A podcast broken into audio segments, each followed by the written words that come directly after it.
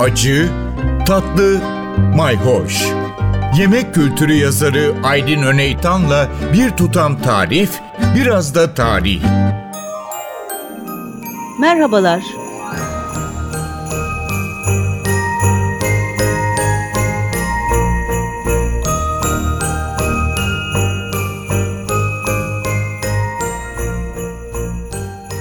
Geçen hafta yılbaşı süslerinden bahsettik ama yenilebilir süslerden sofrayı olsun, ağaçları olsun, kuru dalları olsun süslemek için. Evet 24'ünde bazıları e, Noel gecesini kutladı, bazıları 25 gününde kutladı. Hanuka Yahudilerin ışık bayramı. Her yıl tarihleri biraz değişiyor İbrani takvimine göre. Bu sene tam da Noel'in bitmesiyle denk geldi. Ee, her gün bir ışık yakılıyor e, Hanuka bayramı boyunca. Onun için ışıklar bayramı olarak nitelendiriliyor. Bunun için dokuz kollu Hanukiya denilen bir şamdan var. Hanukiya'nın aslında bir adı da menora ama Hanuka için olanı dokuz kollu, normal e, yıl içinde kullanılanı menoraların yedi kollu. Evet her güne bir ışık yakılması gerekiyor. Aslında bunun kökeninde de yağ yakılması, kandil yakılması var. Çünkü efsaneye göre kutsal tapınakta sürekli yanması gereken yağ yok olmuştur. Yağ tedarik edilememektedir ve mucizevi bir şekilde o yağ yanmaya, kendini yenilemeye devam eder. Onun için Yahudiler bu dönemde mutlaka yağda kızarmış yiyecekler yiyorlar. Örneğin Almanya'da pazarlarda da satarlar. Kartoffelpuffer vardır. Bir nevi patates mücveri. Bu latkes olarak da yapılıyor e, Hanuka boyunca. Bizde ise çok enteresan özellikle Güneydoğu'da İstanbul'da değil ama Orta Doğu ülkelerinde Hanuka bayramının olmazsa olmaz tatlısı Arap kadayıfı, taş kadayıf. Biz içine ceviz doldurup yaparız. Bu sefer peynir doldurup yapılıyor. Yağ da kızarıyor, şuruba da şerbete de batırılıyor. Son derece Orta Doğu işi bir tatlı.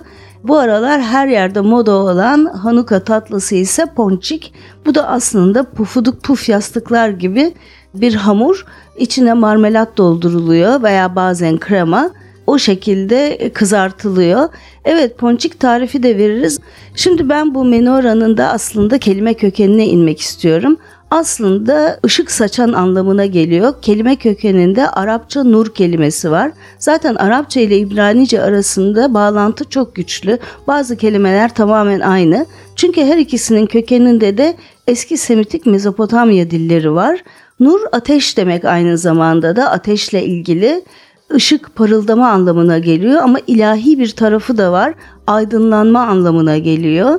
Dolayısıyla menora ışık saçan anlamında e, yedi kollu şamdan ama aynı zamanda denizdeki fener kulelerine de bu ad veriliyor. Kervanların da yol e, bulmasına yardımcı olan bu da minarenin kökeni. Manara ışık saçan, ezan okunan kulelere minare denmesine sebep oluyor. Zaten Arap coğrafyasında da e, minareler hep kule gibidir. Bizdeki gibi değildir. E, her iki dinde de ışık saçan, aydınlık veren hem de ilahi aydınlık veren menore ile minarenin böyle bir benzerliği var.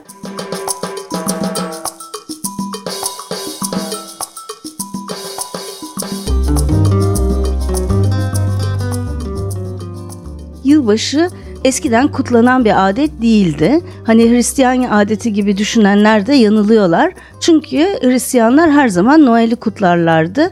Ya 24 Ocak, 25 Ocak mezhebine göre değişiyor ya da 6 Ocak. Yılbaşı kutlaması öyle miladi takvim pek de geçerli değildi açıkçası. Biraz batı işi sonradan gelen bir adet. Aslında batı dünyasında da yılbaşı kutlaması daha çok 1800'lü yıllarda yaygınlaşmış. Osmanlı döneminde de örneğin 1829 yılında İngiliz elçisinin Haliç'te bir gemide verdiği davete bütün Osmanlı devlet adamları da katılmış. İlginç aslında 1925 yılında miladi takvime kabul edince işte o zamandan beri yılbaşını kutluyoruz. Yılbaşı sofrasında ne olur? Eskiden böyle adetler yoktu. Sonradan bu hindi yapma adeti çıktı.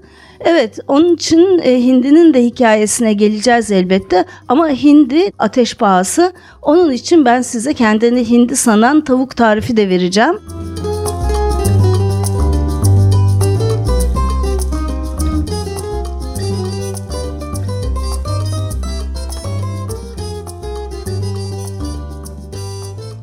Size fırında bir dalyan köfte önereceğim. Kızıma böyle kek kalıbında dalyan köfte yapardım. Arkadaşlarıyla onu sanki pastaymış gibi havaya girip yerlerdi.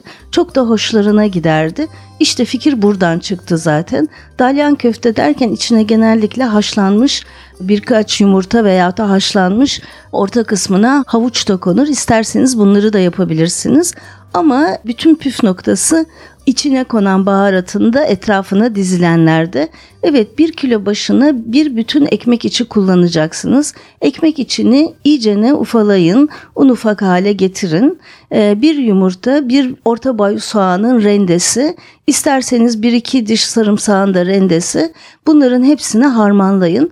Baharat olarak ben size normal köfte baharatınızın ötesinde bir kaşık tarçın ve birazcık da dövülmüş karanfil önereceğim. Hatta Mardin ve Antakya civarının 5 türlü baharatını bulursanız veya 7 türlü olağanüstü başka bir tat yakalarsınız. Evet bütün bunları birlikte yoğurun. Kuru ot kullanmak istiyorsanız da kuru reyhan öneririm. Gerçekten farklı bir tat katacak köftenize.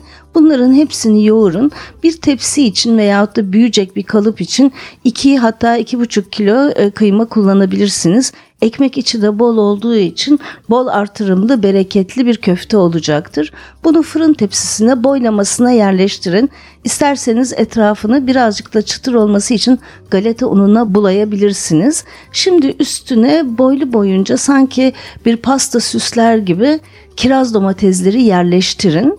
Etrafına da elma dilimi şeklinde kesilmiş kırmızı soğan ve ayva dilimlerini koyun.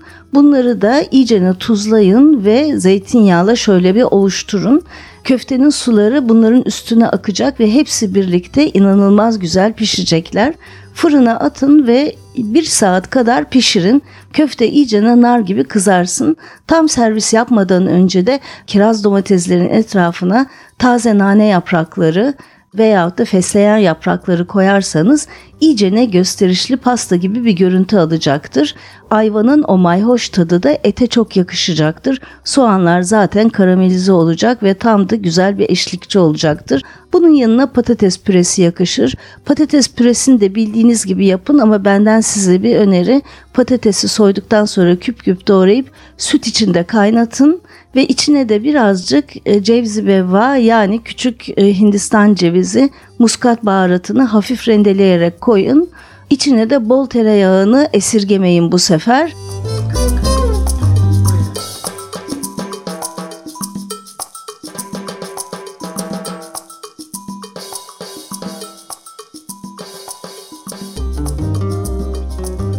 4 Haziran 2021'de Eaton Mess diye bir tarif vermiştim. Çilek haftasıydı. Evet Haziran'da verdiğime göre zaten yaz zamanıydı.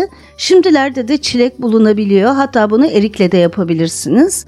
Şimdi bu tatlının özünde kırık beze parçalarıyla kremayı birleştirmek ve üstüne meyve koymak var. Aslında çok basit.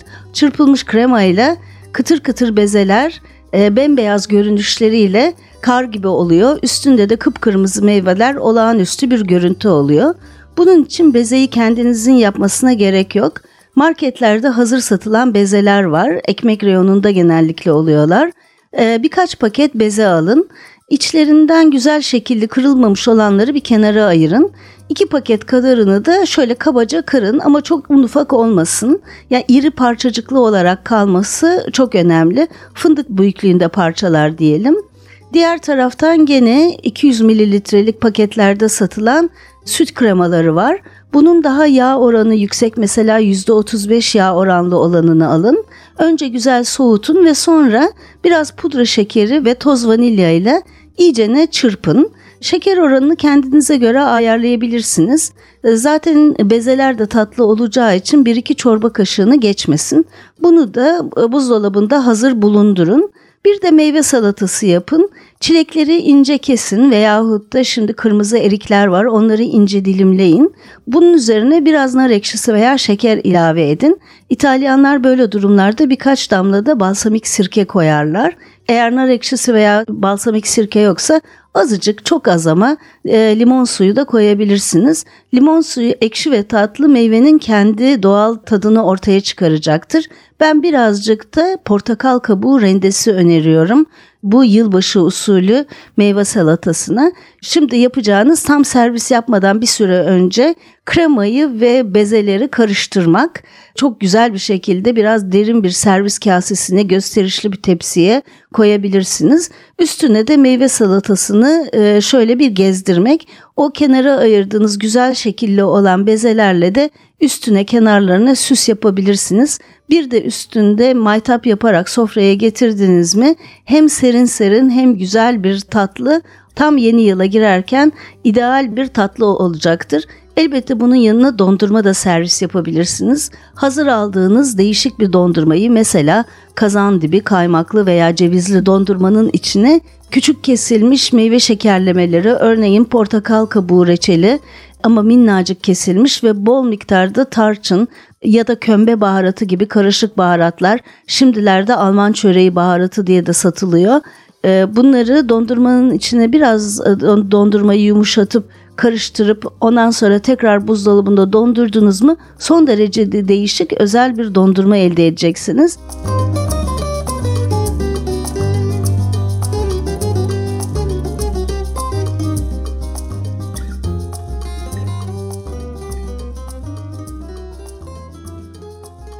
İki haftadır size çeşitli tarifler veriyoruz. Yılbaşı sofrası nasıl donatılır, hatta yiyeceklerle nasıl süsler yapılır diye. Şimdi de dilekleri konuşmanın zamanı geldi. Hepimiz çeşitli dileklerde bulunuyoruz. Bütün dünyada da çeşitli kültürlerde aslında birbirine de çok benzer bir takım adetler var. Yeni yılın bolluk bereket getirmesi için. İşte şimdi bunlardan birkaç örnek vermek istiyorum. Örneğin İspanya'da tam yeni yıla girerken 12 adet üzüm tanesi yeniyor. Hatta herkes bunu külahlarda üzümlerini ellerine alıp e, meydanlarda toplanarak toplu olarak yapıyorlar. Her bir üzüm tanesi bir ayı temsil ediyor ve o yılın mutlu, bereketli ve şanslı geçmesini sağlıyor. Şimdi buna benzer bir uygulama Filipinler'de var. Orada da yuvarlak meyveleri yemek üzerine. Filipinler'de tabii ki çok İspanyol ve Portekiz etkisi var. Öyle bir esinlenme de olabilir yuvarlacık misket gibi üzüm tanelerinden. Ama Filipinler'de aynı zamanda bir Çin etkisi de var. Çinliler de yeni yıla girerken mutlaka turuncu renkli olmak şartıyla yuvarlak meyveler yerler. Bu mandalina, portakal veya küçücük kumkuat olabilir. Turuncu renk altını simgelediği için özellikle tercih ediliyor. Böyle uygulamalara baktığımız zaman ülkeler arasında gene çok büyük benzerlikler görüyoruz. Bunlardan biri de küçük küçük taneli buğday ve mercimek. Her ikisi de bol parayı, bereketi simgeliyor. Buğday zaten bereketin simgesi. Ukrayna, Polonya, e, hatta Rusya bu tür ülkelerde yeni yıla girerken haşlanmış buğday yemek adeti var. Tıpkı bizde diş buğdayı gibi bunlar. E, hatta Polonya'da içine gene bir başka bolluk bereket simgesi haşhaş taneleri de konuyor ve öyle onlar çıtır çıtır yeniyor. Benzeri bir uygulama Kıbrıs'ın Türkiye kesiminde görüyoruz. Onlar da gene içine nar taneleri katılmış haşlanmış buğday golifa yiyorlar ve herkese de aşure gibi dağıtmak lazım. Zaten bizde de aşure Muharrem ayının yemeğidir. Yani İslami takvimin birinci ayının hep yeni yıla girmek, yeni yılı bolluk bereket içinde geçirmek. Nitekim İstanbul'da ve Anadolu'da Ermeniler de tam yeni yıla girerken mutlaka Ermeni aşuresi yani anış abur sofrası kurarlar. Hepsi bolluk bereketi çağırmak için mercimekte İtalyanların gözdesi özellikle yeni yıl yemeği mümkün olduğu kadar bol salamlı bir mercimek yemeği yemek ne kadar çok mercimek o kadar çok para demek. Evet bu tür uygulamalar dünyanın her yerinde bir de para gizleme adeti var. Vasilopita'dan bahsetmiştik. 1 Ocak'ta Rumların muhakkak İstanbul'da e, yediği Paskalya çöreği yuvarlak yapılmış. İşte bunun içine bir tane para gizlenir. Paranın çıktığı kişi de yılın şanslısı olur. Benzeri bir adet İskandinavya'da pirinçli bir puding yaparak var. Onun içine de bir tane soyulmuş badem konuyor. O badem kime çıkarsa yılın şanslısı o oluyor. Aslında bizde de aşure içine bir tane kabuklu kuru bakla konur. O bakla kime çıkarsa o şanslı olur. Hatta onu kurutup para kesesinde saklar, para parayı çağırır diye. İşte bu tür adetler var. Artık seçmek size kalmış ya da garanti olsun diye isterseniz hepsini birden uygulamaya koyabilirsiniz. Yeter ki 2023 yılı hepimize bolluk bereket getirsin, mutlu ve aydınlık günler getirsin. Yeni yılınız kutlu olsun. Takibe devam edin. Yeni yılla Türk gibi sağlıklı başlıyoruz. Şimdiden söylemesi. Bir tutam tarih, biraz da tarif. Aydın Öneytan'la Acı Tatlı Mayhoş Arşivi ntvradio.com.tr adresinde Spotify ve podcast platformlarında.